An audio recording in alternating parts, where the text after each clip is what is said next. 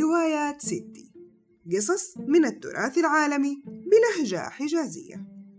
من إعداد وتقديم مروة وليد إخراج صابرين الجبرتي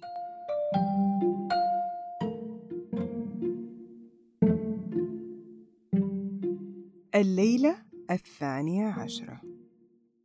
تكون في يدك وتقسم لغيرك. يقول لك الشاعر النبطي الأصيل اللي يبينا عية النفس تبغاه. واللي نبيه عي البخت لا يجيبه.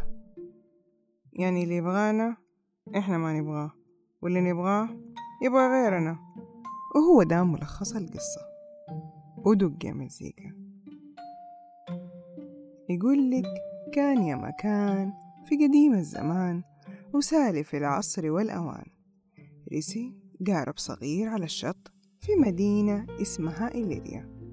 ركاب القارب دول كانوا هم اللي يدروا يشردوا من السفينة اللي غرقت يا لطيف. معهم بنت اسمها فلة. أكلت دماغهم وهي تندب وتعدد على أخوها سليمان اللي أكيد غرق وما حد لاقي. قال لها القبطان أفتري يا بنت أخوك شفته بنشعلق له في خشبة. أكيد إنه عايش وخرج من العاصفة. قالت طيب أنا كيف أتصرف لوحدي؟ ولا أعرف أحد في دي البلد. قال لها البلد دي حلوة وناسها طيبين. ويحكمها واحد اسمه اللورد أورسينو اللي كان دايب في هوى الليدي أوليفيا. بس يا عيني ما كانت راضية تقابله ولا تعطيه وجه. الآدمية حزينة ومتأثرة على موت أخوها وما تبغى تشوف وجه أحد. قالت فلة طيب ينفع أروح لليدي تشغلني عندها؟ قال لها القبطان مستحيل لأنها ما تدخل بيتها أحد غريب. قالت إذا ما أقدر أروح أشتغل عند الليدي أروح أشتغل عند اللورد. وساعدها القبطان تتنكر على شكل ولد وسمت نفسها سيزر. وراحت تشتغل في بيت اللورد. طبعا فلة فنانة تعرف تعزف وتغني وشاطرة وست بيت وكلها كم يوم وصار سيزر هو الوصيف المفضل للورد. وبالساعات كل يوم يجلس اللورد يحكي ويشكي لسيزر الحليوة وكل هروجه حب ومحبوب والله تحتلك يا سيزر. خليني أحكيك عن الليدي واللي عملته فيا. الليدي وجمال الليدي ورقة الليدي واللي جابوا الليدي. وسيزر سرحان في اللورد ويهز راسه. طبعا مدام كده معيش اللورد في الجو صار سيزر هو الإنسان المفضل عند اللورد وأمين على أسراره. قال له بالله يا سيزر ما تروح تقنع الليدي تعطيني وجه. يمكن أنت اللي تقدر تلين راسها اللي زي الدوم. قال له نجرب. الصراحة ما تنلام الليدي في حبستها لنفسها.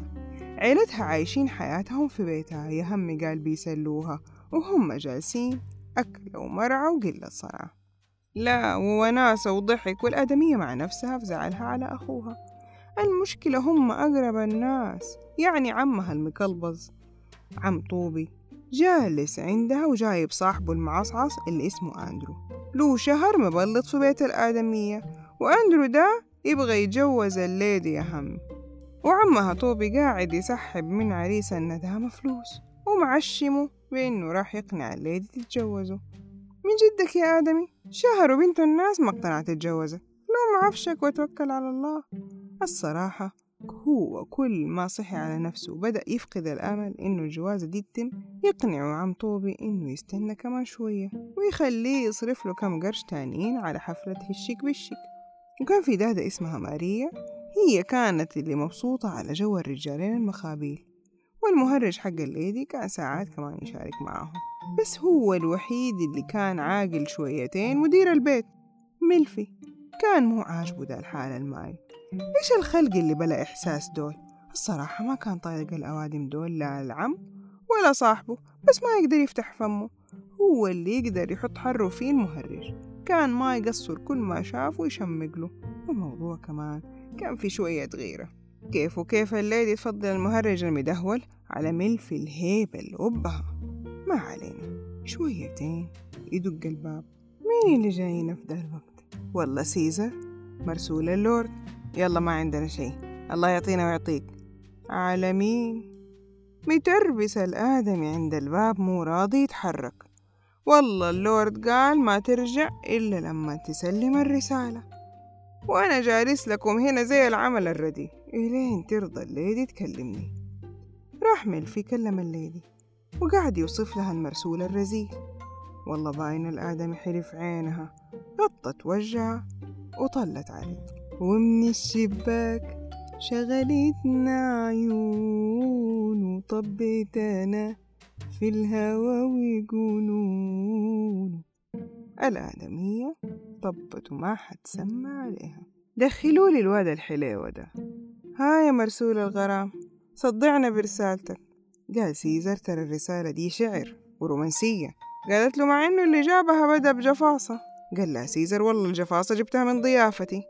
قالت الليدي طيب إيش مستني؟ طلع الجوهر يا أخوي. قال سيزر الرسالة لليدي مو لفرقة حسب الله دول كلهم. قالت طيب وخرجت الليدي كل الشغالين اللي عندها من الصالون. بعد ما راحوا قال سيزر ما تورينا وجهك يا ليدي خلينا نتكحل. ما صدقت الآدمية وشالت الطرحة عن الوجه الصبوح قال الآدمي تاريكي حلوة تاريكي مغرورة ومبين فيكي. لو كنت جني شاريكي لأن سيدي ميت فيكي. قالت إيش الشعر ده؟ يلا ما علينا. قالت الليدي والله قول سيدك معليش ما أقدر أحبه. المصيبة إنه عارف ده الكلام. معليش يا ليدي أمسحيها في وجهي. طبعا الآدمية قد حبت المرسول يا همي. زعل سيزر على اللورد اللي راح يخيب أمله. وهو طالع قال لها مع السلامة يا حلوة يا متوحشة أنتي. خافت الليدي إن الواد الحليوة يروح ولا عاد يرجع تاني. قالت لملفي روح ورا المرسول الجفص ده واعطيه ده الخاتم. وقول له الليدي ما رح تقبل هدية سيدك ولو جاء بكرة رح أشرح له ليه. وراح ملفي ورا سيزر وأعطاله الخاتم. قال سيزر إيش ده؟ ما أبغى. قال له ملفي هيا أمسك خاتم سيدك ولا تفقع لي مرارتي أنا ماني ناقصك. ورمى له الخاتم وراح. طبعا سيزر عارف إنه اللورد لا رسل خاتم ولا عود أسنان حتى. زي ما هو عارف كيف يسووا البنات لما يتخرفنوا. الليدي العبيطة حبت رجال وهمي. يا كبدي يا بنتي أتوكل سيزر على بيت اللورد. وفي بيت الليدي كان عم الليدي والشلة إياها عاملين حفلة وغنى ومسخرة. جاهم ملفي أنتوا يا قليلين الأدب قالبين البيت ديسكو. ما في حياة ولا مستحى ما تحترموا لا زمان ولا مكان ولا أوادم. رد عم الليدي. دحين إيش علاقة الكيك والمفرحات بالاحترام؟ قال لهم طيب والله لا أقول لليدي قالت له الدادة طيب يلا أعلى ما في خيلك أركبه. ولو إنك مو وجه خيل إنت حمار حتى كتير فيك خرج ملفي والدادة قالت إيش رأيكم يمسخر العبيط ده؟ وقعدت تقول لهم الخطة. ضحكوا كلهم وقالوا لها يلا مع الخيل يا شقرة تاني يوم ملفي قاعد يتمشى في الحديقة وهو متقمط في البدلة الرسمي زي عادته.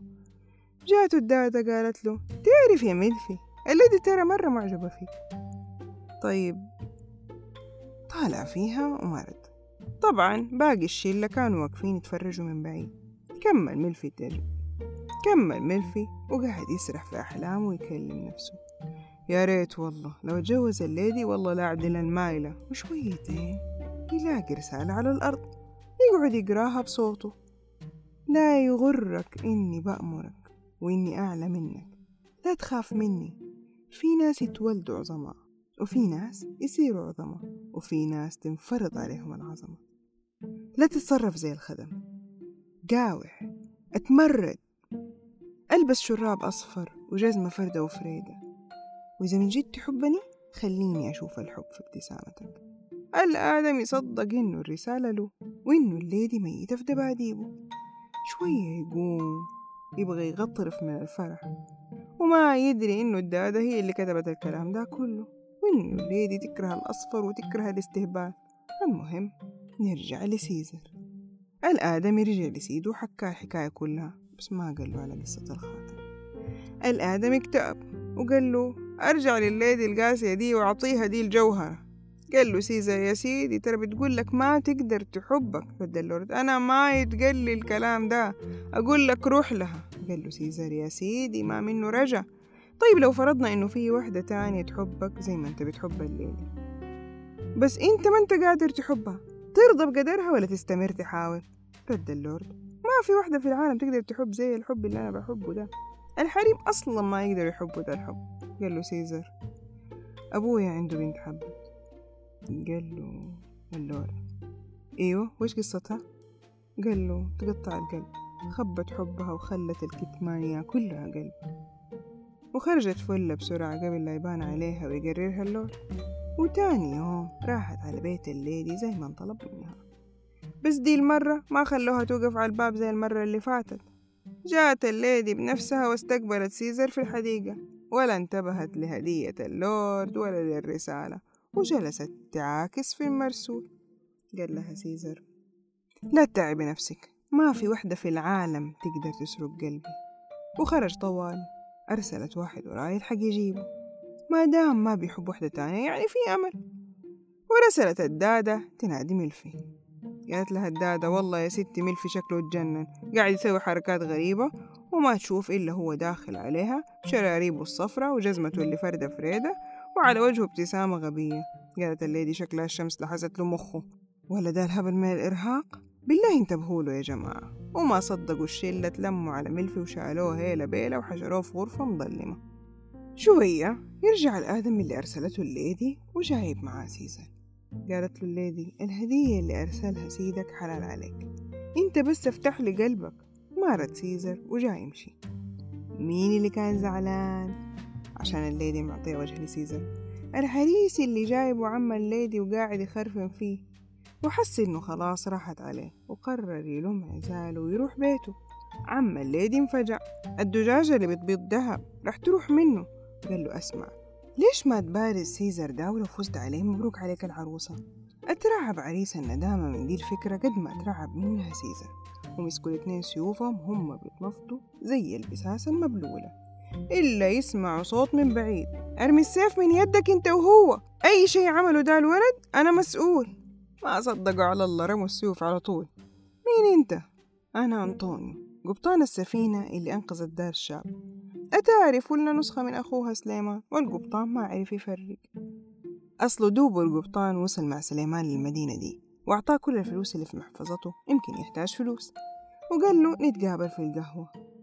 لما شاف فلة وهي عاملة نفسها سيزر خاف عليه وحس بإنه هو عنده مشكلة وقال ينقذه تاني. قبل ما فلة تلحق تفوق من الصدمة إلا ما تشوف إلا اتنين عساكر شالوا هذا القبطان قام ناداها وقال لها يا سليمان معليش أنا محتاجة الفلوس اللي أعطيتك هي. بالله ساعدني يا ولدي. ردت فلة. أي فلوس؟ معليش أنا عمري ما شفتك قبل كده. الآدم استطاع. سليمان جحدني بعد ما أنقذته وأكرمته. وأخدوه الشرطة وراحوا وفلة خرجت تجري. أخيرا في دليل على إنه أخوها حي. في نفس الوقت سليمان كان بيدور في الشوارع يبغى يلحق يقابل القبطان في القهوة ومستغرب من الأوادم المخابيل اللي بينادوه سيزر. اللي يسبوا واللي يضربوا ومضارباته هم يعمل واللي يناديه ويقول له تعال ستي تبغاك. والله هذا الآدمي راح مع المرسول ولقي الليدي قاعد تستنى فجأة حضنته ويدي العيب استحياء آدمية. قالت يا سيزر تعال معاي الله يخليك. قال سليمان أنا شكلي بحلم. إيش البلوى القمر اللي أنا فيها دي؟ ما دمت بحلم. خليني نايم وأروح وراها. الآدمية كأنها تعرفه ومو شكلها مجنونة. والليدي لقته مطاوع معاها كده قالت له ما تيجي نتجوز. قال لها يلا. من غير ما يسأل حتى. والله قوام قوام اتجوزوا. ولا أحد داري. يقرر اللورد إنه يروح يشوف الليدي بنفسه لأنه المراسيل ما منهم فايدة. وصل بيت الآدمية ومعاه فلة. شافتهم الليدي قامت نادت جوز يا حبيبي! التفت اللورد وقال إيش؟ جوزها؟